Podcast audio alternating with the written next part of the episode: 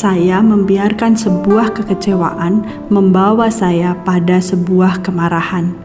Kemarahan kecil, besar, ringan, berat, sampai kadang-kadang menjerumuskan saya pada suatu emosi tak bertepi, yaitu dendam dan kebencian.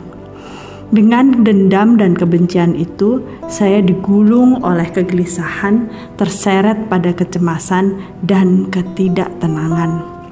Selesaikah urusan saya dengan A atau B? Damaikah hidup saya saat itu? Bahagiakah hari-hari yang saya lalui selama itu? Jawabannya sama sekali tidak. Saya terkungkung oleh sebuah situasi yang sempit dan menghimpit saya selalu menoleh ke belakang dan tak mampu maju meraih yang baru. Saya berandai-andai pada hal-hal yang sudah terjadi untuk tidak terjadi. Saya terjepit antara apa kata orang dan apa yang saya harap dan maui. Kemudian semua terasa begitu sulit. Sampai suatu ketika saya tahu bahwa melepaskan segala yang telah terjadi jauh lebih baik. Membebaskan segala beban yang saya buat sendiri jauh lebih cerdas dan pintar.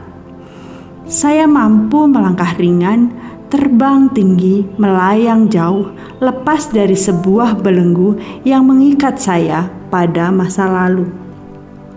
Saya berlari cepat mengejar ketertinggalan dari sebuah masa depan yang bebas, lepas, tinggi, untuk mampu tersenyum dengan puas.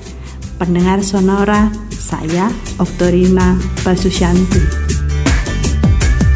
Sudah tinggalkan, tinggalkan saja semua persoalan waktu kita sejenak untuk membebaskan pikiran dan biarkan, biarkan terbang tinggi sampai melayang jauh menembus awan. Sementara tinggalkan semua aturan yang kadang terlalu mengikat dan tak beralasan Memang, memang benar miman Kita perlu cooling down dan melonggarkan